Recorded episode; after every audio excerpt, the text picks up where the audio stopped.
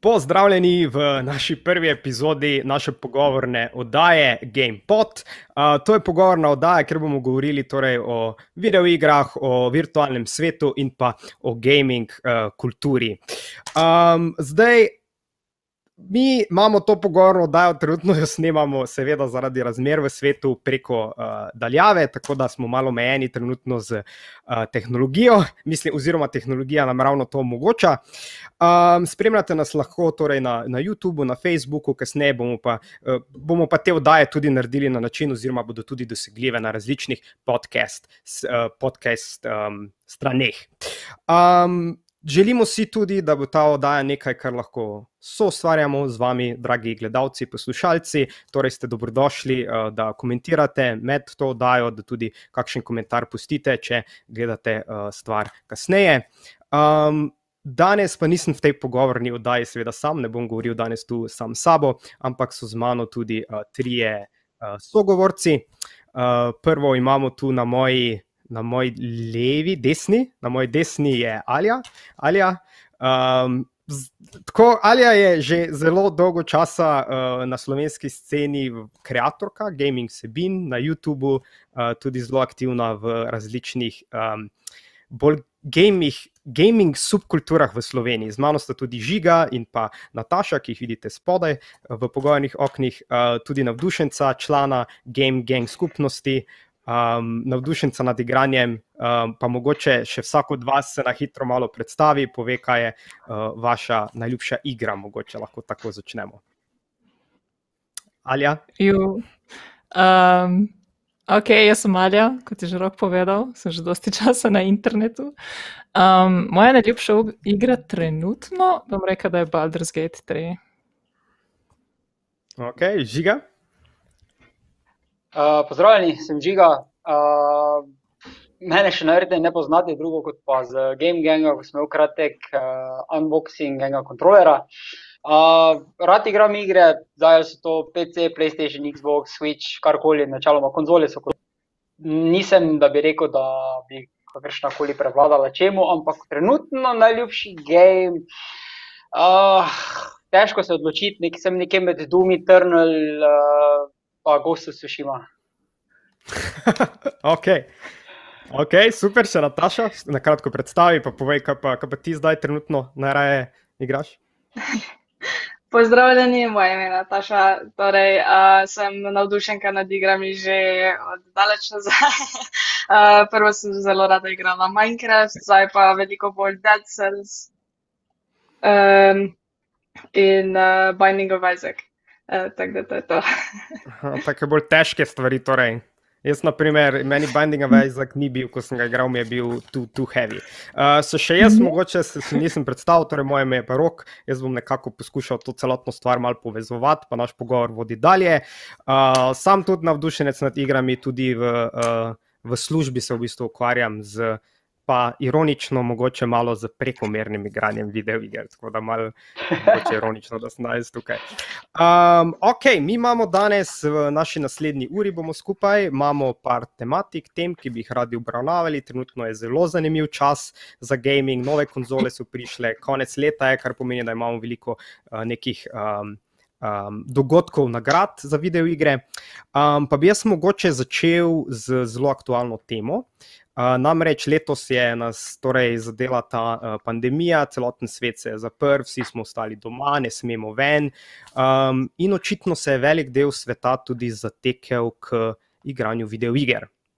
Um, in sicer ena študija je pokazala, da trenutno v Ameriki od, od mislim, da od petih, um, od petih um, potrošnikov, konsumer, sem čakal na prevod, da mi pride. Od petih potrošnikov so štirje aktivni gameri. In mogoče zdaj za začetek eno vprašanje, torej da ga dam v diskusijo, da zaštartamo to. A se vam zdi, da je mogoče gaming tudi zaradi tega, kar je letos bilo, zaradi tega, ker smo mogli ostati notri, že počasi v bistvu, ali pa že je v bistvu mainstream? Ja, zdaj ne vem, kdo bo začel. ja, no, super, za, za, mene, za, mene, ja. za, mene, za mene osebno, jaz bom tako rekel, odkaj sem končal faks, oziroma že ko sem sam hodil na srednjo šolo, pa na faks, sem vedno prišel domov, torba v kot, kot navaden otrok. Uh, torba v kot za računalnik, dve uri iger, sploh moče kako nalogo končati, moče kaj učiti, pa spet dve uri iger, moče spati, če ni bilo mogoče tistega. Če ni bilo ravno potrebe po spanju, tudi spanje je včasih šlo za to, da smo igrali. Ne. Zdaj, mm -hmm. zdaj pa smo tako služba, pa tudi kak fuš. Uh, ampak, kaj ne rečem? Mislim, še bi, bi rekel, da ja? Ja? Še vedno bi, bi rekel, da v ta svet iger. In moram povedati, da zdaj, ko imamo tudi delo od doma, me več potegne, da recimo, uh, pridem v svet mobile gaminga, ampak ta zadeva trenutno mi ne paše in se bolj spuščam še vedno v konzole, pa PC. In moram povedati, da vsaj 15 do 20 odstotkov recimo mojega življenja se je iz prehranjevanja in mogoče kakršnih koli drugih zadev, ki so bile včasih potrebne, spremenilo v game. Ok. Um, Mata še tu uh, punci, kaki uh, pogled v to, se vama zdi, da je to, mogoče, mogoče sem čudno vprašanje na začetku postavil, da ne, ne mogoče, a je že mainstream, ampak a je mogoče ta kultura gaminga danes že mogoče manj predsotkov ima, kot pa jih je imela včasih. Ali ja? Ja. Se tako odkašljala, da je pravi, kot je zmanjka, povedala. Možda ja. je zmanjka glasa. Um, ne, jaz bi rekel, da definitivno, uh, da to zdaj nekaj, kar je bolj vsakdanje, kot je nekoč bilo. Um, jaz sem pred kratkim, glede na eno vprašanje, ki, mi, ki si mi ga ti rok postavil, uh, sem ravno razmišljala, koga poznam, da iger dejansko ne bi igral, oziroma da ne bi nikoli niti ene igre v življenju poskusil. Um, in se nisem mogel spomniti bistveno nobenega. Zdaj res je, da ja, sem mogoče v takem krogu ljudi, um, ker je to mogoče bolj pogosto, uh, ampak ne vem, recimo moja sestra, kot čisto domač primer. Um, ona, recimo, se ni, ne, ne bi se sama sebe opredelila kot gamer, um, ampak je pa, je pa igrala kar veliko, no? mislim, veliko. Pač. PlayStation ima, um, GTA 5 je igrala zelo zauzeto, um, ampak da bi, da bi rekla, da se prav z, z igranjem iger tako ukvarja na vsakodnevni ravni, pa ne. Pa tudi, če bi vprašal, da bi se ona definirala kot vem, gamer ali kaj takega, pač ne bi. Um, ampak ja, je bila, je bila izpostavljena. Um, torej, v bistvu, misliš v tem smislu, da ni, ni to fora, da um, bolje je stvar v tem, da ljudje sami sebe ne dojemajo kot gameri. Mm -hmm. Ja. Um, pač mogoče to je, tudi. To je ja? neka taka aktivnost, kot, kot da bi pač zdaj bral knjigo, greš igrati igro. In niti, niti ne greš za tem, da je mogoče Um, do, do nekaj časa nazaj je bilo tako malo manj vsakdanje zadeva na igranje iger.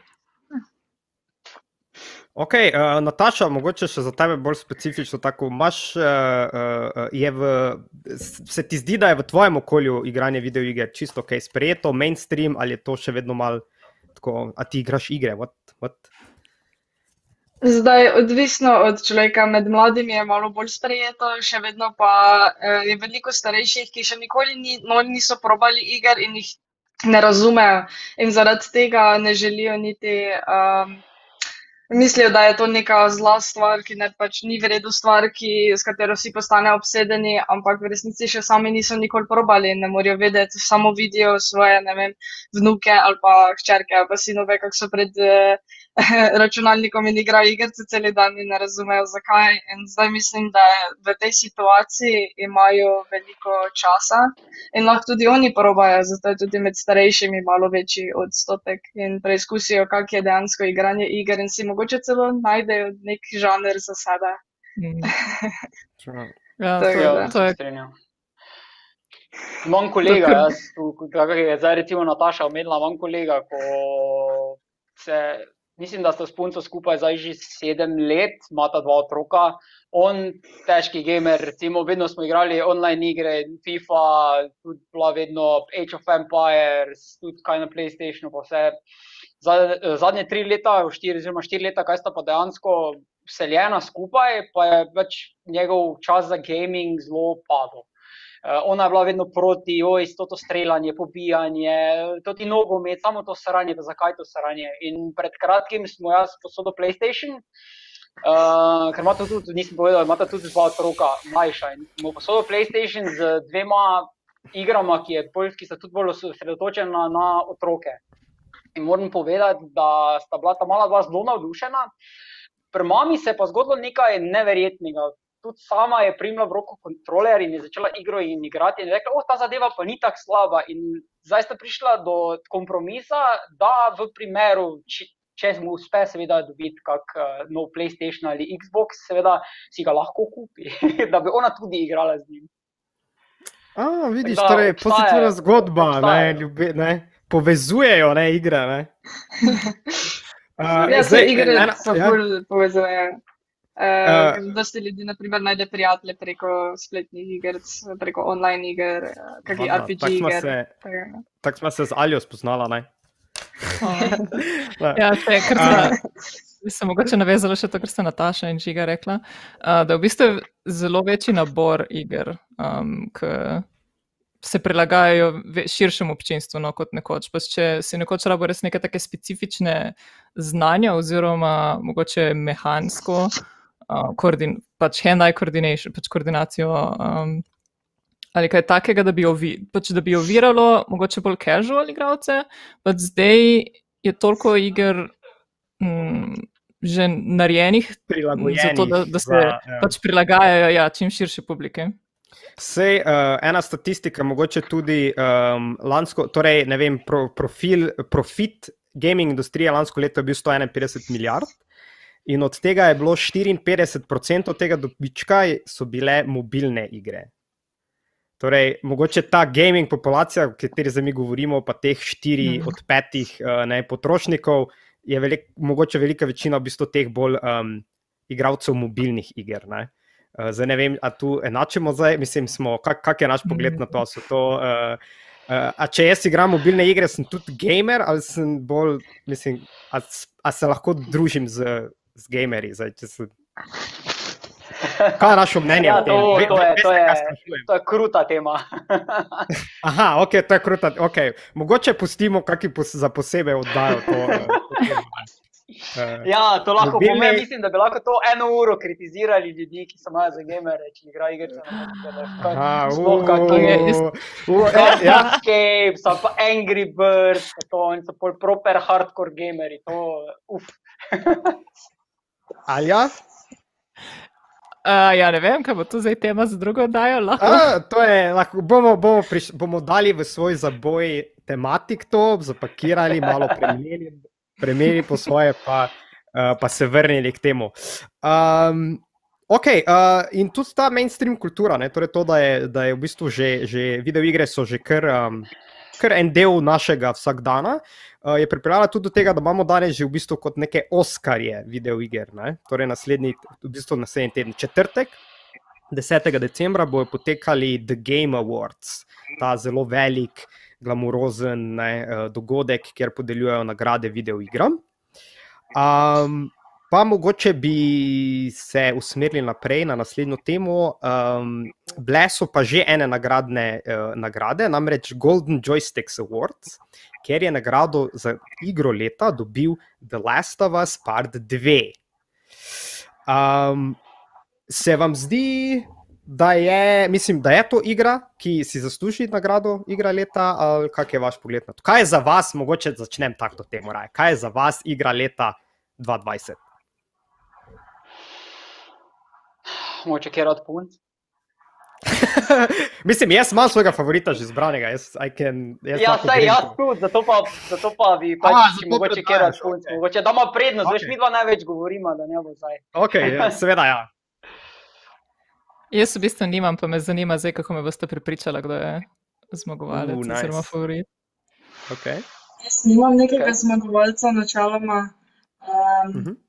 ampak um, je veliko drugih boljših iger, ki bi si lahko zaslužili tale naziv, uh, pač za zlati joystick, kot pa The Last of Us, čeprav to je tudi dobra igra. Um, ampak sem dosti krat videla tudi, da ljudje zelo razočarala glede konca, res da ima dobro grafiko, ampak um, celoten gameplay pa malo se mi zdi, da nekaj manjka še nekaj drugačnega. Naprimer pri God of Waru se dosti stvari dogaja, ne samo. Lahko raziskuješ, malo pač to raziskovanje zelo pogrešam. Vse lahko tudi v Lastru veliko raziskuješ, ampak ni to, to ni tako open world game kot je naprimer God of War ali pa kakšne take game. Um, ampak ja, favorita pa res nimam. Torej, rok ti ali jaz? Ja, lahko, seveda, žiga povej. Uh, Kdo- okay, kdo je tvoj tako, favorit letos? Recimo, ah, težka je, ne. Zdaj, jaz, sem, jaz sem zdaj tak nekje med tremi igrami, po pravici povedano. Me- Za mene so Doom Eternal, uh, seveda Ghost of, Tsu- eh, Ghost of Tsushima, pa zdaj Mhm. recimo pred kratkim je prišel ven Crash Bandicoot, ki smo ga res dolgo, dolgo čakali. Ne. Um, in moram povedati, da težko se odločiti, ampak igral sem The Last of Us tako enko kot dvojko, enka mi je bila dosti boljša od dvojke. Recimo, uh, dvojka ima dober game, mislim, dober gameplay, vse je dobro, zgodba je dobra, not, res not te potegne, ampak vseeno mi sliči bolj na film, bolj na film kot na igran film, kot pa na dejansko samo igro. Uh, manjka mi, ne vem. Nekaj bolj, pač recimo, akcije. Saj je akcija, ampak če primerjamo z Ghost of Tsushima, tam imaš zgodbo dobro, imaš gameplay dober, je igra dejansko tudi težka, če si jo težavnost povečaš. In da se ne, da sploh ne začnemo, recimo od Doom Eternal, tam pa tako, uhu, lahko umreš zraven, ker res igra lahko neverjetno težka, te challenge do res do zadnjega, zadnje tvoje zmogljivosti. Vem, jaz bi prej dal uh, Doom Eternal, pa Ghost of Tsushima, pač sam Gol- Golden Joystick Award, kot pa recimo The Last of Us 2. V bistvu si tudi eno zanimivo temo, mogoče zdaj vmes odprl, ne, a so igre, um, a, s- a, a, a je ok, če igra samo en igran film, ali bi mogla igra imeti več, ponujati več svobode, neke, mislim, ka, ka, a veš, a, a je dovolj to, da sam grem čez nek že predestinacijo, neko, ne, čez neko linearno zgodbo, ki jo živim, ok, iz prve osebe, ampak ali bi moglo tu biti bolj nekega um, svobode igralstva? Uh, Ja, saj se strinjam. Recimo, si, če si pogledamo zadnje game, ki so bili recimo Assassin's Creed, pa kot je recimo Nataša omenila prej God of War. Ne. Pri God of Waru ti lahko tam, kjer začneš, pa tam, kjer končaš, lahko narediš vse misije, preden dejansko skoraj da main storyline končaš. Ne. In to, to meni zelo manjka. Recimo, pri Assassin's Creedu res, da imaš tu pa tam kakšne uh, ovire, ki te ne spusti skozi, uh, da moraš recimo nadaljevati glavno zgodbo, da lahko tudi greš kam drugam, ampak ne ni tistega, kako bi rekel, open world gaminga. Ne? To zelo manjka meni in to zelo pogrešam, recimo pri The Last of Us. In, vem, ravno zaradi to- ja. tega sem rahlo razočaran. Ok, no, se boš še imel eno možnost, uh, tvoj Ghost of Tsushima boš imel eno možnost zdaj v četrtek ne, na tem velikem, veliki podelitvi. Ne. Uh, jaz osebno bi tudi mogoče bil bolj za Ghost of Tsushima, ki mi je bil fantastičen. Jaz uh, mislim, mislim, da sem ga v dveh sittingih obrnil. kar, mogoče ni dobra informacija, zdaj, ampak ne, mislim, da res je bil, res je bil cool zgodb, mislim, ful lep špil, ampak v bistvu ne bi pa bil moj favorit. Jaz bi dal, če bi se le dalo, bi dal svoj glas uh, Hadesu. No? Uh, zadnje dni pregikavam okay. tega Hadesa. Uh, če še kdo ni probal Hadesa, Hades je ena indie igra v bistvu, uh, um, roguelike.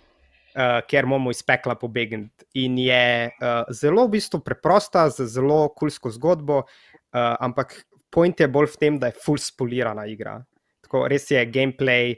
Um, tako, ko, nare, ko, ko nekaj stisneš, naredi igra to, kar hočeš, da naredi. ne. Ni, ni, Mm. tako odzivno je, feeling imaš, da, da igraš te, kar ti češ delati. Ne vem, če je jasno. Mm, Ja, te razumem. Recimo, podobna igra imaš recimo uh, uh, Dead Cells, uh, podobno, ampak bolje, kako bi rekel, 2D, ni ne, gol, gol, ne, kako sem da, da gost se še na uhu. Uh, uh, Hades, Hades je vseeno dosti bolj spolirana in za 2020 bolj napredna igra v primeru z Cells. Tisto je bolj recimo 2016, 2017 game, ampak je vseeno zelo spoliran, ker imaš res ogromno različnih orožij, attachmentov in vsega različnega, da progresaš. Ne. Ampak, glej, zdaj, če, če, če prijemo malo nazaj na, tvojih, na tvoja dva sittinga, ne, ja, okay, jaz ne vem, kakšen gamer si ti, ne, ampak če meni game všeč, jaz ga 100% ne.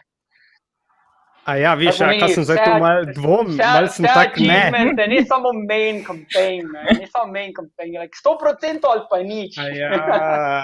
Ej, preden narediš Hades, Ja, so 100%, ne. Ja, to je res. Ampak veš. že v gostu so šima, jaz zdaj mislim, da trenutno dal okrog 40 ur, pa še nisem dokončal. Ne. A ja, ne, jaz nisem šel completionist, jaz sem šel bolj tako story, pa cool, pa veš, v easy. Na, ne rad si dajem ta pritisk, da moram vse odkleniti. Ker drugače mi Ne, mislim, postane. grem prvič grem do. Se pa tudi prvič grem do konca, pa, pa rečem, ajde, povečamo težavnost za eno, pa gremo na 100%. A, okay. Replayability. Replayability, ja, New samo Game težje. Just get it, ja, naj bo samo Ah. težje. Ja. Um, Ajde, samo malo Odyssey na Nintendo Switchu je ful težko, 100% ne. Ker je to kar Ja, ja, samo dosti stvari za delati tam. kje, čakaj, kjerega? Mario Katerega na Mario Switch? Odyssey na Nintendo Switchu, kaj je A, tudi endgame. ok. Ker je tak res dosti stvari za delati, um, veliko je tega, teh malih achievementov, malih stvari, ki jih moraš najti, da lahko 100% tež game in je res težko vsega najti pa narediti. Se, to je v bistvu mogoče zdaj tudi, uh, ne, ko se mi predstavljamo, tudi mogoče zdaj, kdo smo mi kot gameri, je tudi lahko vprašanje za nas, ali lahko. A, a, A komplitate igro 100%, ali lahko greste od nje stran, tudi ko ni 100% zaključena? Ali ja, si še ne ne grem vidite stran. to, Je.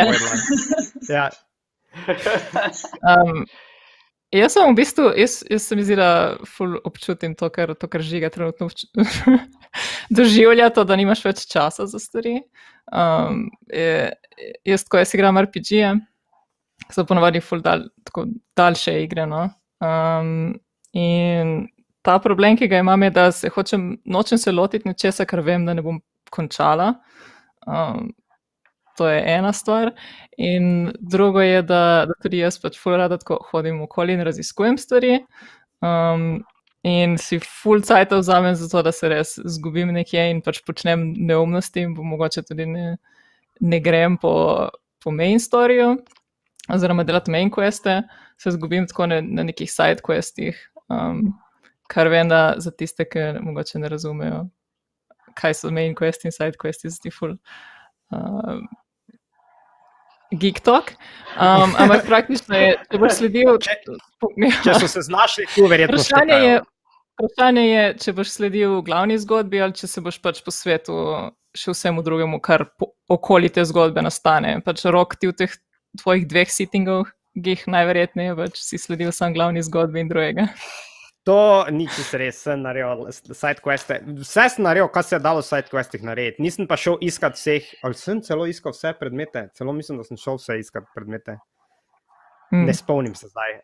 Ampak mi- mislim, da sem, point je v tem, ko sem končal igro, sem, sem bil zadovoljen in sem se počutil, kot Mm. da sem izkusil, kar sem želel izkusiti od, iz uh, Ghost of Tsushima sveta. ne. Uh, tako to. Moja- Žiga moja se ne stvar- strinja. Žiga je odkimal, kako- žiga je odkimal. To kot da ni možno, veš, kot da ej, ne moreš. Ne moreš. Ne, ne, ne, Ali si ne. 100%? Ne, ne, ne me narobe razumeti, ne za jaz, da bi hodil vsakega siliti. Sam, uh, odvisno, uh, vse odvisno od človeka. Recimo, ne. um, mogoče te pol kasneje zasrbi nekaj zadaj na vratu in tisto, no, uh, kaj pa če bi še mogoče kaj druga probal ali pa še bi enkrat preigral ali pa nekaj. Ne. To pač se meni zgodi v prve roko, prve ene ure igre, ki mi je zelo všeč in potem sem tisto, kaj pa če bi jaz šel od začetka, ker vem, da sem tri, štiri stvari zadaj pozabil in jih ne mogo več dobiti. Recimo. Jaz sem eno pol- vprašanje za žiga. Prosim. Če greš zdaj na YouTube, pač če odigraš igro do konca in potem greš na YouTube pogledat vse, kaj si zamudil.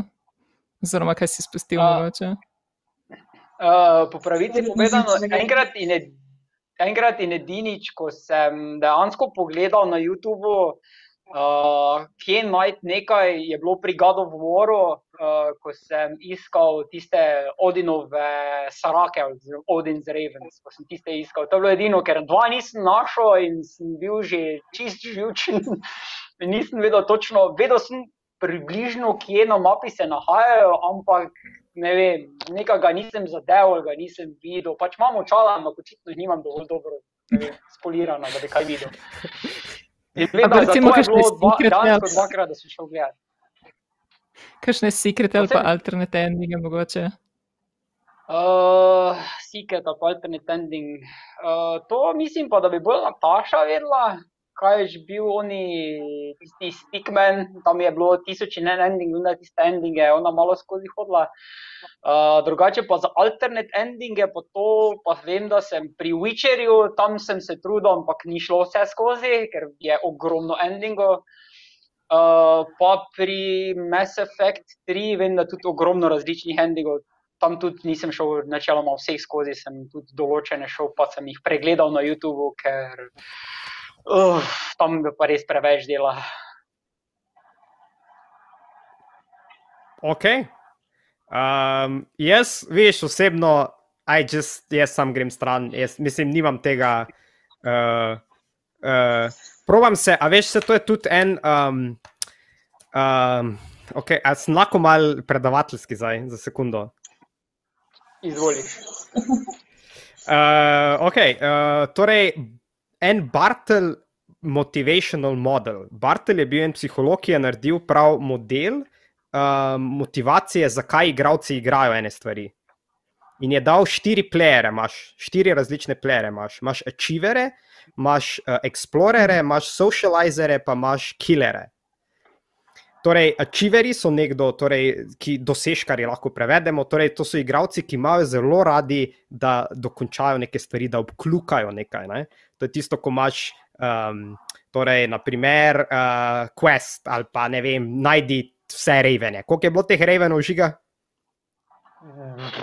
Preveč vprašaš, ne vem več, kaj je Pre- to, no, no, ja, ja, da ne ne. Vem. Ja, in to- rekla. Te, teh reven, no, in naši Okrog- možgani ja. so, so ful veseli, ko lahko obklukajo, ko najdejo vseh teh 20 revenov. To našim možganom ful dogaja. In nekje 80% okay. igralcev je v bistvu achieverov. Igrajo zato, ker bi radi te klukice delali. Mm. Uh, potem imaš, uh, sem ful, bom proval ful na hitro to razložiti. Potem imaš uh, explorere, to so folk, ki furat ima zgodbe, pa DLC-je, pa dodatno vsebino, pa te stvari. Teh je nekje 10%, 10%, socializeri so osebe, ki primarno igrajo zaradi tega, ker se radi socializirajo. En ful, ful mali procent, tisti so pa killeri, to so pa oni, ko res igrajo zaradi tekmovalnosti, zaradi tega, ker hočejo zmagati. Njim, njih vseeno jim je za kontent, pa vseeno jim je za klukice, oni bi radi samo, da nekdo drug zgubi, pa da oni zmagajo. Uh, Mm. Kaj sem hotel zdaj s tem povedati, je, da so igre danes tudi torej narejene ne, na način, da uh, um, zadovoljijo največji procent igralcev, kar so pa čiveri. Ne. Torej, 20 ravenov najdi. Stokrat idi v 51. trgovino kupiti. 51, sorry, sorry, sorry, žiga. Ne, nisem jih lovil, ti si jih lovil. Um, Ne, saj ni, Tako da, zabavam ja. Uh, tako da ne, uh, uh, nam dogaja to, našim možganom, ful dogaja to, da lahko uh, te achievemente iščemo. No? In zato se jaz, to smo to reči, da to je bil moj začetni, zato se jaz pravim namerno odcepiti stran od tega. Ne? In sem like, vredo je, samo tri sem najdol revene, ne rabim jih 51. To z- Meni se lahko kaj najde igra, ki bi hotela jaz res tisto vse poiskati. Eh, Witcher je bil ena igra, ki sem jo med prvim lockdownom v enem tednu kar veliko preigrala. Uh, tako da sem potem prišla čist do konca. In uh, sem potem bila, eh, če že moram še enkrat iti igrati, pa ker mi je bil game všeč, pa zgodba, uh, naj grem na težji difficulty. Ne? In sem potem začela, samo še zdaj nisem dokončala, sem upala, da bo zdaj tudi second lockdown mi kaj pomaga. Tako da ja, jaz ko enkrat igram, razen če igre niso res narejene za to, da jih večkrat igram kot Dead Cells, Binding of Isaac, Gungeon, zato ker progresa še edino na tak način uh, mene ne zanima predvsem. Um. Cool. Mi, a, a, a se še ostavimo pri tej temi? Mi imamo drugače, to, da boste tudi gledalci vedeli, mi imamo enih par tem pripravljenih.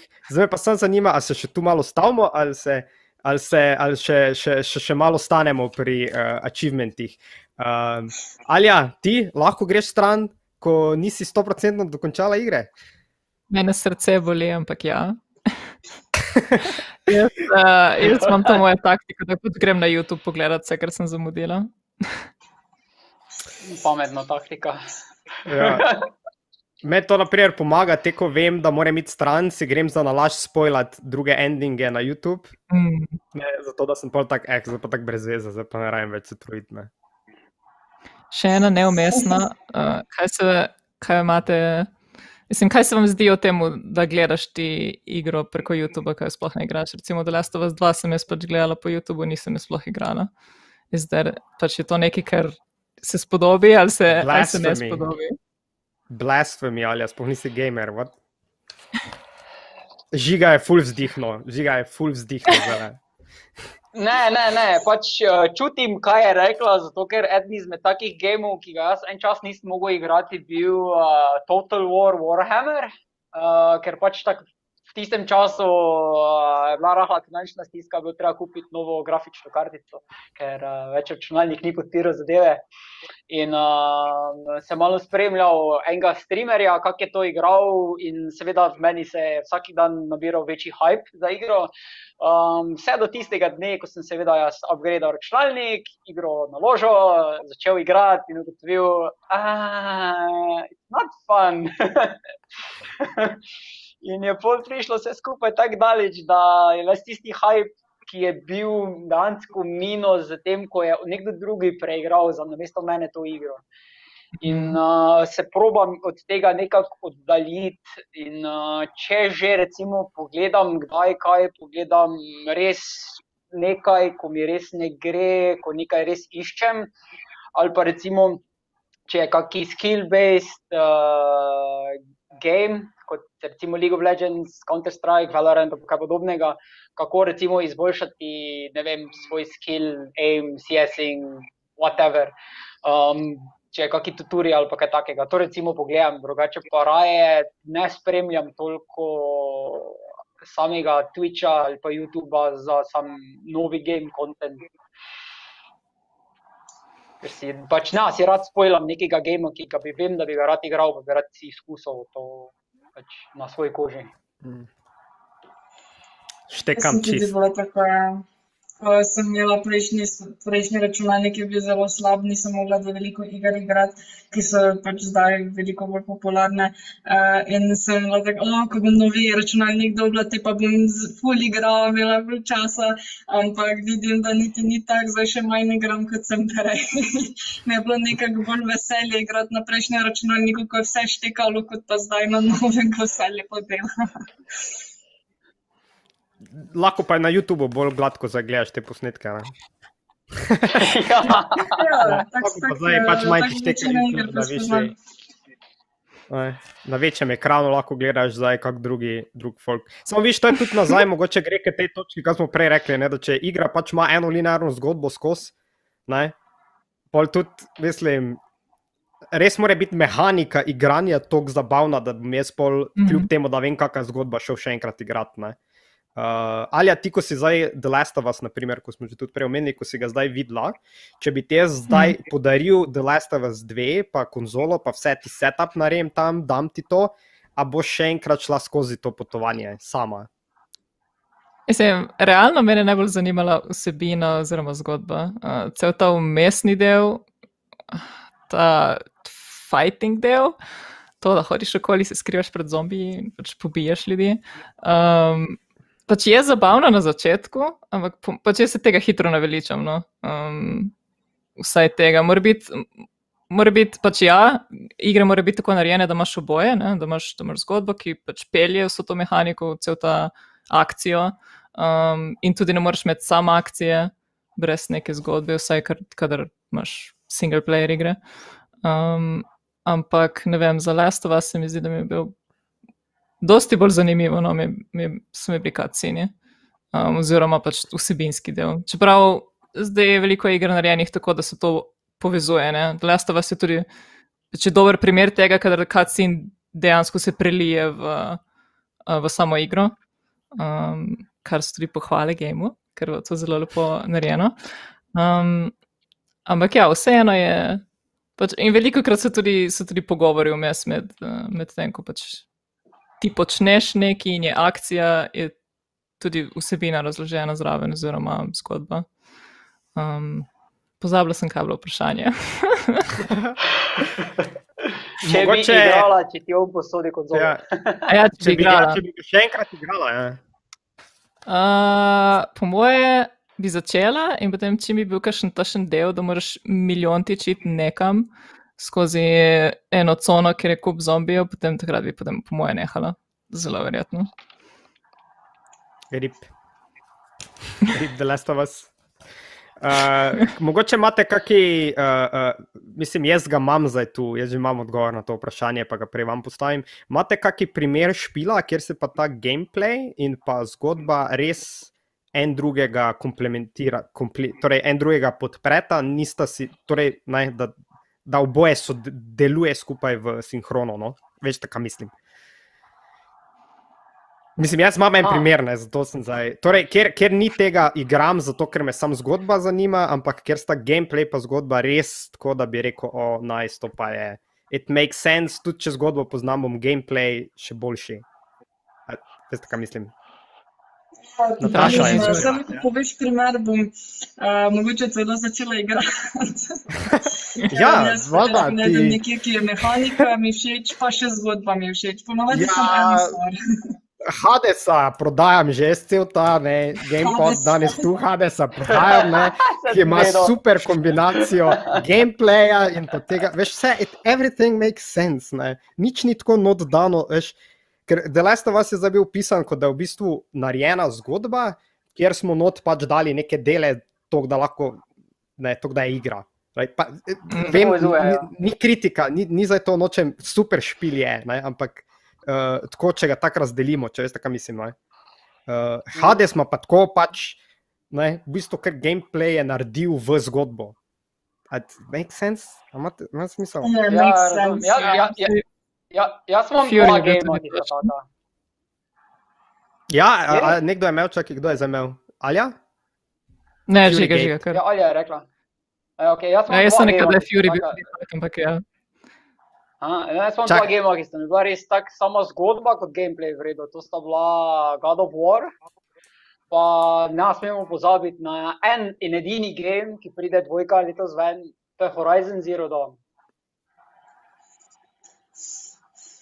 Okay. Tam pa je game, gameplay, gameplay je vrhunski, ajde, ok, Zelda, samo tam ni zdaj, ajde, je nekaj storija, ampak ni zdaj ono full story driven. Ne? Recimo pri Horizon Zero Dawn pomaš, ja, neki outcast, na, na, na, na, začneš nekaj, dobiš oni eh, tisti, kaj že, tisti vizir, pa sem pa ti jaz, spoznavaš nove ljudi, ugotavljaš, da živijo v laži, stroji sem, stroji tja in bolj dejansko se samo zgodba se razvije v nekaj neverjetnega, plus tega, da je gameplay vrhunski.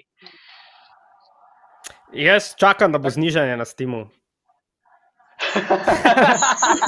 To je še ena tema, ki bi jo lahko obdelali. Ja, jaz čakam. Moj Zelda. Zelda Breath of the Wild Ja. je super game, samo se moraš navaditi na eh, kontrolke.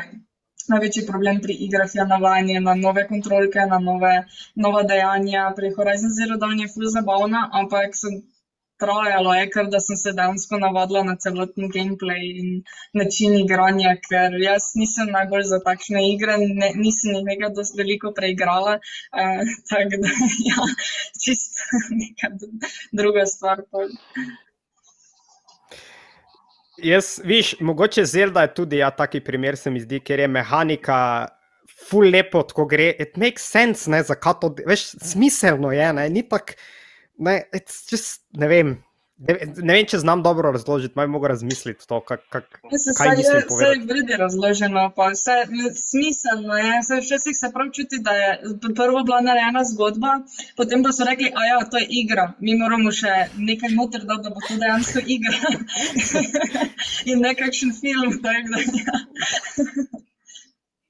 Mislim, je pa po drugi strani pa kul, cool, da je v bistvu writing, torej pisanje, ne, scenarij, do, dobra zgodba v igrah v zadnjih letih pač postala standard. Ne, da je to nekaj, kar je pričakovano, kar se dela, kar ima poudarek na tem. Ne, um, Mhm. tudi če gledaš ne, te najboljše, ne se imaš ne, zdaj nominacije, kot smo prej rekli, ne, Ghost of Tsushima. Uh, Čeprav Ghost of Tsushima ima zelo basic zgodbo, v bistvu, ne, mislim, zelo taka. Basic, no, veš kaj mislim, ne, zelo je taka, um, pridi, reši kraljestvo.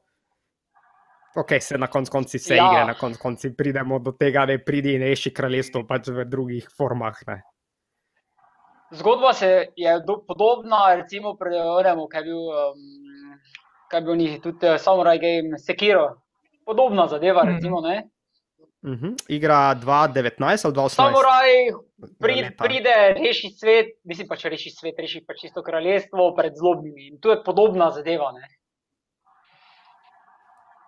Rešujemo svet, Ni- ne. ni- Se to, Pač, ja. kar gamerji počnemo, ne. Rešujemo svet, s tem, Ja. ko gamamo zdaj not. Ja, Ne, ko je se COVID čisto zunaj. ena preprosta zgodba, ki povezuje mehaniko, tudi nekaj, kar včasih potrebujemo, nekaj enostavnega, ne, ne rabimo vsakič zakomplicirane zgodbe z ne vem kakim plot twistom, uh, ne včasih rabimo nekaj bolj enostavnega, samo za sprostitev ali pa uh, da sploh, da preizkusimo celotno mehaniko, mogoče je mehanika toliko boljša uh, od zgodbe. Uh, pa mogoče pa se bi jaz vseeno, ker me še zanima ta tema, pa bi šel, se je povezava. Kaj pa igre, ki se, torej early access igre, ne? imamo tudi igre, ko jih izdamo malo prej. Um, kaj pa tu, mislim, uh Mhm. -huh. ker to so v bistvu igre, ki, ki dajo prej ven. Se, prej se izdajo, preden ma- nam dajo sploh možnost, da lahko mi sploh celo zgodbo odkrijemo. Plus tega, da jo Mhm. odkrivamo, verjetno bugi, pa verjetno jo odkrivamo z nekimi napakami. Pa tako, no. um, ker ali ti vem, da zdaj igraš v teh dneh Baldur's Gate 3, Early Access. Tako je. Um, pa mogoče povej malo, kak je tvoja izkušnja z Early Access gami oziroma skozi lečo tega Baldur's Gate 3. Mm. Um, jaz bi v bistvu imela zdaj, kaj je prišel, včeraj, predvčerajšnjem, je prišel update, um, ki malo zlomi igro. Mislim, zlomi igro v smislu, da oni so do zdaj. To, kar smo počeli, igravci, smo v bistvu potestirali in mehansko, in vsebinsko. Um, in Larian Studios pač vzamejo feedback iz Steama, feedback iz, iz uh, YouTuba, pač vse posod, njihov Reddit, um, uradne forume imajo, tako da gledajo, kaj ljudje dejansko, kaj jim je všeč in kaj jim ni všeč. In nekaj komentarjev so dobili glede na zgodbo, oziroma na to, kako dejansko liki um, v zgodbi reagirajo na, na um, nas, kot igralce, oziroma pač na našega lika. Um, in so to spremenili. Zdaj, ta zadnji update, ki je prišel, v bistvu um, ni več kompatibilen s temi trenutnimi sevi. Um, recimo, do zdaj, to, kar je prišlo updateov, je pač bilo kompatibilno s tem sevom, ki ga imaš, tako da si lahko naprej normalno igral, sem pač stvari so bile pofiksane, medtem ko ta update. Um, ne moreš več zlodati igre, ki trenutno igraš. Jaz, recimo, ki pač nisem prišel še do konca tega prvega arka, malo počasi mi gre. Ampak jaz, recimo, zdaj ne morem zlodati tega mojega seva in nadaljevati s tem novim pečem, ker je vsebinsko neskladen um, s tem mojim sevom, pač zaradi zgodbe. Oni so, mislim, da zdaj spremenili nekaj NPC-jev in nekaj um, ja, konkretne velike kose zgodbe, da, da se to zdaj več ne sklada. Um, to je ja, neka taka torej, izkušnja. Podobno, podobno kot žiga začne igro znova, ko ugotovi, da je tri revene, mm -hmm. zgrešil, boš ti zdaj prisiljena začeti znova. Uh, kar so naredili, v bistvu, da uh, zdaj imaš, zdaj launchaš, ko, boš, lon- ko launchaš igro, lahko se odločiš, če boš uh, launchal patch verzijo, verzijo ali pa še ta stari patch. Um, zato, da pustijo igralcem, počasnim igralcem, kot sem jaz, da, da gremo, da pač lahko odigramo tisto verzijo do konca. Sam pač tam noter ne bo teh popravkov. ne. Um, in potem, ko bom pripravljena, bom pač na novo začela igro in videla, kaj so spremenili s tem novim pečem. Ampak ja, to so neke take stvari, ki se zgodijo. Pač early access je nam, ravno temu namenjeno, da se sproti popravlja, da se vidi, kako ljudje reagirajo mogoče na kakšne določene stvari, kaj mi je všeč in kaj mi ni všeč. Ampak ja, kaj si drugi mislijo? Bi kupili early access Ja, ja, igro, zdaj- še posebej, če stane 60 evrov. Avč, ok, malo expensive. Ampak ok, ko bo končana, bo vredna svojega denarja. Ja, ampak Vse ja, je bo prej, ja, iger. 100 giga kontenta je zdaj. ne. To lahko traja dolgo, lahko traja, ne vem, lahko čist kratko. To je potem čisto odvisno od osebe. Jaz, na primer, ne bi dala 50 evrov za early access, um, bi dala malo manj, pa bi rad kakšen tak game sprobala prvo, ker se mi zdi, da, da si ga zgubijo um, nekakšno motivacijo, za dokončan, da bi dokončali igro, ko že zdaj vidijo, da gre kar dobro. Čeprav Baldur's Gate je pa že kar nekaj časa pričakovan in ima kar velik fanbase. Ja, Zdaj pravim to za bolj manjše igre, včasih pač traja in traja že kar early access, še kar beta, še kar ni nič ne konkretnega, tako da. Ja. Mislim, tudi so igre, kot je Star Citizen tu, ne? ki je že v early accessu, potem ko je že Folknot uh, dal 330 milijonov, najdražja igra kadarkoli v produkciji po Cashu. Ne? Uh, pa čakamo, ko- kako dolgo je že v razvoju? 6-7 let, mislim, da je že v razvoju. Tu nekje, tako k- kot je prišel GTA 5 ven, tu nekje. Ja, tam šest, sedem let. 2013, ne? Ja, 2013 mislim, da je prišel. Ja. Ja, pa Eh. eden izmed popularnih early access gameov imaš pol tudi Escape from Tarkov. Ne? Tam je zdaj že, to ta streljačina je zdaj že, koliko tudi dve leti, moče celo več, nisem več siguren. Že tudi dolgo jo razvijajo, razvijajo, prije kaj novega, malo probaš sem pa tja je, moram povedati, tudi še vedno zanimiv game. ne. Zdaj imamo, uh, uh, mislim, da so nam, ja, želeli so nam dati uh, produkci, produkcijski Janes, nam je želel dati gor uh, Star Citizen pokazati. Uh, Star Citizen je torej ena, mogoče če še ne poznate, ena zelo ambiciozen projekt, je že zelo dolgo v, de, v delu, ki je pa že tudi cel čas v Early Access. Gli zdaj so imeli tudi en event pred kratkim, kjer so pokazali neke nove vesoljske ladje. Uh, in v bistvu vsakič, vsakič, ko gre razvoj igre dalje, še sam dodajo več stvari, uh, kar bojo. Pa, dodajo več stvari, ki rečejo, da jih bojo dodali. Uh, in ne vemo, da to verjetno ne bo nikoli dokončano. Uh, drugače tudi moj Hades, da se vrnem k svojemu ne, promociji Hadesa, je bil v Early Accessu ne, in je letos potem eh, izšel, ne, bil, mislim, da eno leto v Early Accessu, kakorkoli, ne, uh, in je potem izšel kot super igra. Ne. Uh, ja, nekaj, No, zdaj, žiga ko- smisel nekaj? Ko si, ko, si, ko si že prej omenil, ne, koliko mi končamo, ti bom jaz poslal uh, en link, uh, kjer boš našel 50% off na Horizon Zero Dawn, če te bo zanimalo. wow, wow, to so zdaj neki deli, tu, neke, to se vam Ja, vidi zmenilo, čakaj za malo. Wow, Ja, veš, kak je, deali, to. treba, treba malo šipati in kakega promotora, hint, hint, ne. Sponzorstvo, please. Um, Mi imamo GamePod, bomo šipali vaše strani, uh, mogoče uh, kakšne kode, da damo na naše fane, pa to vse veste, kak je.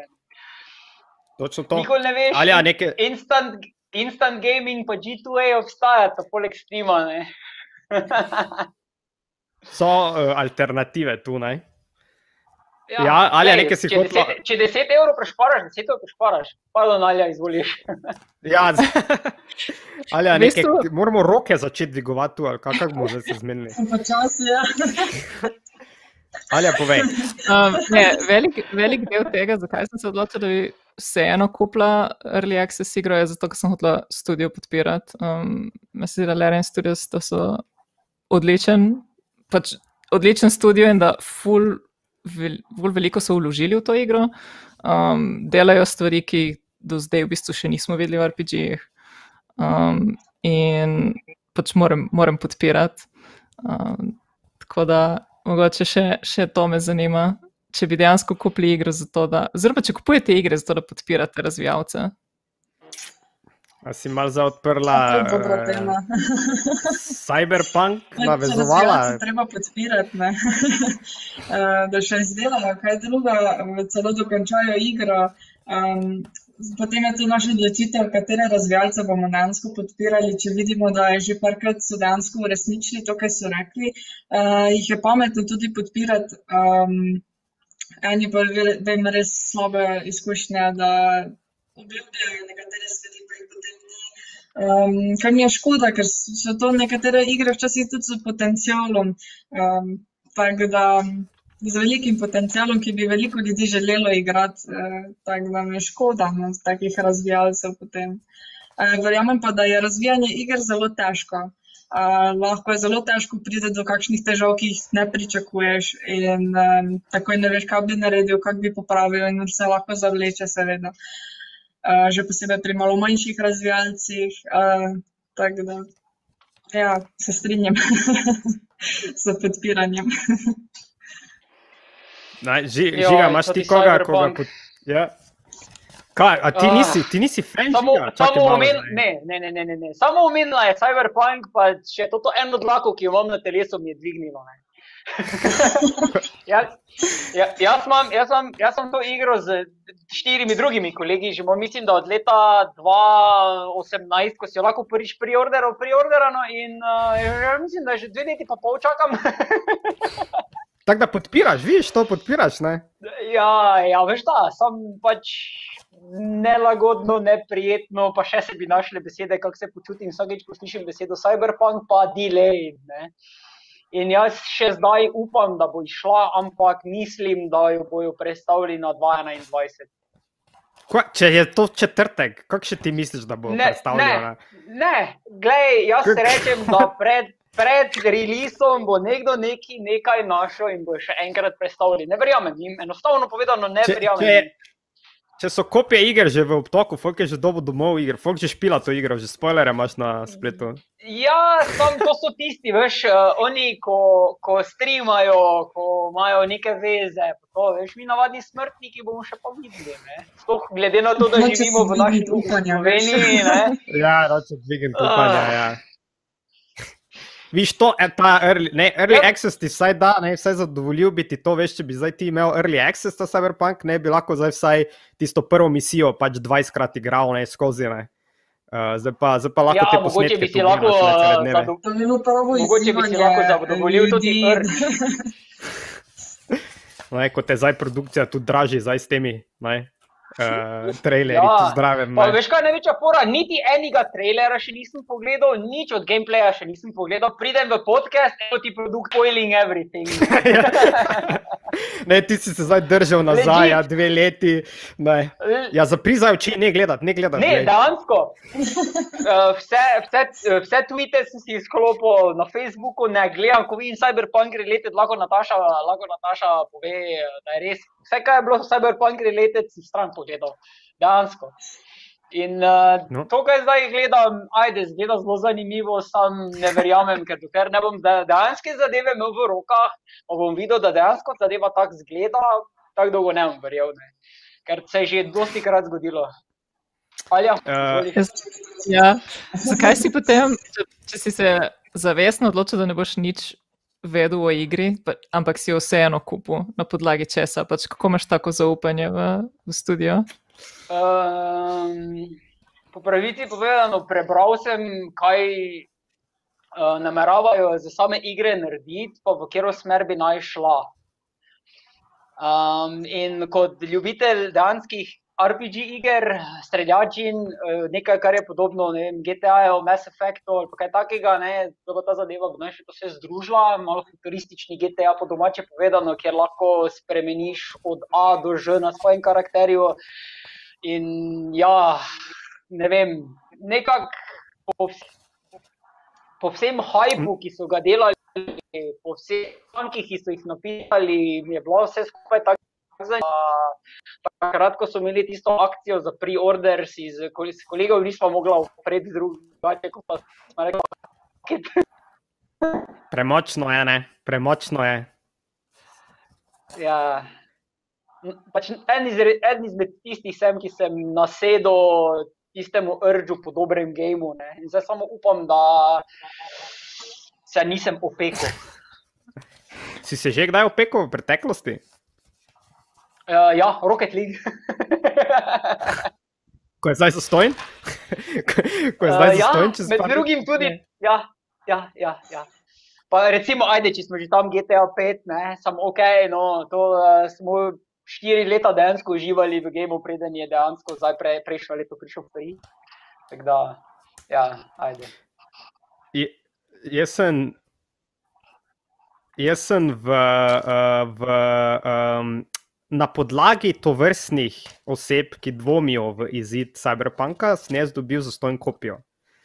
Ker sem stalo sklenil s prijateljem, ja, stalo sem sklenil, ja, da če okej, pride ja. letos, ja, če pride letos, mi on kupi igro, če prije kasneje, mu jaz kupim igro. Right? In je jo že zdaj prednaročil. Tako da, naj. Mislim, Ja, ja, zdaj še vedno, žiga, gled, še vedno se ne. lahko zgodi, ne, ja, vem, še vedno se lahko zgodi, ne, ampak jaz hočem svojo zastojno kopijo igre. Ne. Ja, te razumem, zdaj se strinjam s tabo. Sam, če, če ti dobiš domov 2. ali pa 1. januarja, ti jo moraš jeti.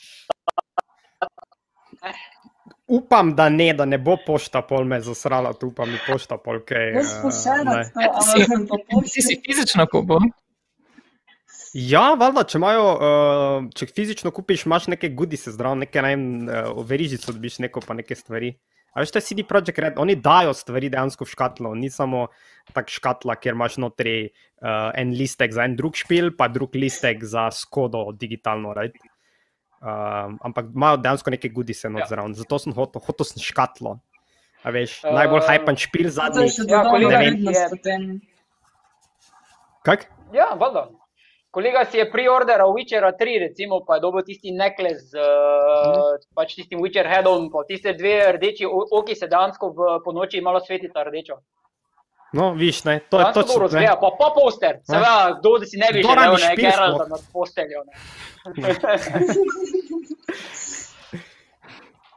Ja, še ima kako rezervno kopijo, slučajno, da mi pove. Uh, Če ima kako, mi pošli. kaj česa, Geralda? Ali Gejma? Geralta, ja, od Geralta, ja. Zdaj je bil Ja, drugače, valjda. by the way, ne, eno novo, novo uh, kip Geralda so dali ven, ne, ko prije tisoč dolarjev. Oh, yeah, Pa to sem videl tako- včeraj. Ja. včeraj. 88 cm veliki kip Geralda lahko naročiš zdaj, tako official. eh, Za To je za figurica. Jurija. Ono z vsemi detajli. Kot pa figurica, ja, Samo kar cenovno neugodno. Zelo draga stvar. No, zdaj si ljubitelji, ki so res tisto nori ljubitelji, ki zbirajo vse. Mm, mislim, da je to kar dober del zdaj. Mhm. Ali, kako misliš, figurica, če zate 88 cm figurica, pol ne vem, kako za dvoje merske enote tu, To je večja figurica. malo večja figurica. Okay. Uh, ok, uh, načeloma smo mi, uh, uh, torej smo si zastavili, da bi ti podcasti držali nekako v okviru uh, ene ure. Um, tako da uh, bi še želeli mogoče podeliti kakšne zadnje misli, kak je, uh, kaj, kaj, pričakujete še tudi do konca leta v smislu gaminga. Ste že tudi mogoče naročili svoj, ko smo zdaj imeli tudi v prednaročitvi govorili, svoj PlayStation, čakati mogoče kdo ali pa Xbox. Še to mogoče na hitro malo uh, pogovorimo se. Hm. Žiga, ti ziger imaš prednaročen, ti si taki prednaročitveni, očitno. Ne, Rocket League si prednaročil, ne vem, če poznam koga. Ne, pred- ne, ne, ne, Rocket ne, ne, mi Life to naročil. nismo prenaročil. ne, zdaj, če smo ajde, pri prednaročilih, zdaj to, kaj bi naj prišlo ven v prihodnosti, bi lahko rekel, recimo Far Cry 6. Uh, ker smo enkrat videli, videl, da smo dali tudi ven članek in sem uh, vesna hajpan, zato ker pač glavni zlikovec v Far Cryju bi naj bil, pač ne naj bi bil, ampak zgleda kot uh, tudi ta gledano glavni zlikovec v Breaking Badu, Gustav Fring, ki je pač preprodajal metafetamine skozi njegov El Los Pojos Hermanos ali nekaj takega. In uh, po eni strani sem za Far Cry sam zaradi tega na hypan. Ampak ne, ok, nisem prednaročil zadeve. Odprl zdaj temo znani obrazi v videoigrah. Ja ali ne? ne? Uh, ja, Ali ja, neke- gledaj, ka, Keanu Reeves. Ja. Cyberpunk imamo že prilega igri ta Keanu Reevesa. Ne? Ja. Nataša? Uh, če se prilega igri, seveda mi je všeč, če vstavijo, če pa kar hoče nek lik, ki že obstaja, malo prilagoditi, da bi se igri nekako v igri vstavil po nasilju, mi pa ni precej všeč. Uh, še posebej, če je nek ta znan obraz, uh, naprimer Keanu Reeves je ful znan, zelo znan obraz, uh, da bi ga dali v neko čist drugi žanr, bi ga bilo čudno videti tudi zato, ker kot igralca ga vsi poznamo preko John Wicka in eh, čudno videti, ko je kaj druga, ne vem, kakšen družinski prijatelj ali kakoli v igro, neki side character, to je bilo tako čudno.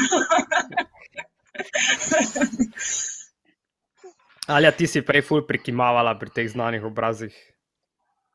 A ja, um, ja ne, sej, mislim, na splošno eh, marketing, no, te marketinške poteze, mm, koliko se kaj strinjamo z njimi. Pač, eh, verjamem, da bi vsi radi videli Keanu Reeves znotraj v igri, pač to je. Pač zakaj ne, je Keanu Reeves. Um, ampak po drugi strani pa se zavedaš, ja, da je marketinška poteza. Uh, in da, ok, to je nekdo naredil zato, ker hoče denar. Ampak iz, a je tako slabo? No? Um, pač na koncu dneva imaš neko osebo, ki ti je všeč v igri, ki ti je všeč. Ne vem, no. koliko je to slabo, koliko je to dobro. Kaj se ni, a, a kdo vsak mnenja tudi, da je? Vsi delajo se samo zato, ker je denar več ali manj, geni so dosti marketinga noter. Če je zato dobiš nekaj dobrega, mislim, da ni nič tako slabega glede tem. Vedno bo marketing, nažalost, vedno bodo hoteli kaj siliti nam, a, vedno nam siljujejo stvari. Keanu Reeves za Cyberpunku, to so se zelo dobro odločili. Um, ne vem, če bi lahko izpeljali za katerim drugim igralcem ali pa znanim obrazom nasploh, uh, bi bilo kar čudno. To bo zdaj, tega bo zdaj verjetno tudi vedno več ne, v igrah. Drugače pričakujte v Mm. prihodnosti Hollywood. Igrajmo se Ja. Hollywood. Ne, Ja, poglej, žiga se- navdušen, žiga, ko mogoče- me čaka. Ne, pa se mogoče kjer spomni Death Stranding ali pa domače povedano Walking Simulator. Ne? Ja. Uh, so tudi, so Death tudi dali ja. noter, uh, ja, oni ga, kak je, samo malo da pogledam. Uh, Norman Onega, Mark ja, Reedus. Norman. Norman Ja, Reedus, dobesedno ja. iz Walking, iz Walking Deada, tistega The Ultimate Survivora, so dali v Walking Simulator, kjer prenašaš in prevažaš razno razne stvari skozi na pol razžrt in umrli svet. Ne, tudi Pa, dobro spomnim. Reci, reci. Ellen Page, ki je bila v Two Souls, pa je ona cela afera okoli Last of Ne Us Ellen enke. Page, no, not Ellen Page, ampak Elliot Page, prosim. No, takrat, takrat je Ellen Page. Ja, drugi Um, časi, ok. To je tudi ena tema, drugače, če so res oni z Last of Us ukradli njen imidž ali ne. Mislim, da je uh, naš prvi GamePod podcast, kakorkoli, uh, pogovorna oddaja o gaming kulturi in gamingu in videoigrah in vse, kar je ta medij prinaša. Več tem odprl in vprašanj odprl, kot pa jih odgovoril ali pa naslovil. Um, mogoče uh, imamo kakšne zaključne misli, da tu malo zdaj vrepamo to up. Uh, uh, v smislu, um, kaj bi lahko imeli eno zaključno uh, vprašanje. Um, kaj predlagate mogoče našim gledalcem, da pa kjer igro pa naj mogoče probajo, ki pa je mogoče ena taka, ki jo niso, da damo eno priporočilo še mogoče poslušalcem in gledalcem. Eno tako bolj obskurno, nekaj, kaj je mogoče tudi starejše, whatever. To ni ja, obskurno, ali- jaz bi kot family game. Kot Kaj? family game ali party game predlagam Overcooked. Tako. Nice. O, ja. ja. Zelo dober game, Jaz ja, bi- z več igralci posebej. ja. Se strinjam uh, Rok zelo. bo, pred, uh, rok bo pregledal Hades. To To ti domnevaš, žiga? Ok, to se zdaj reka domnevam. Zdaj, ne. ne bom predlagal Hades, actually. Eno ful boljšo igro okej, kot Hades okej. bom predlagal. Ampak dej, povej, Okay, kaj to je malo, tvoj predlog. čakaj, čakaj, čakaj, da, čakaj, da odprem beležko, da si zapišem.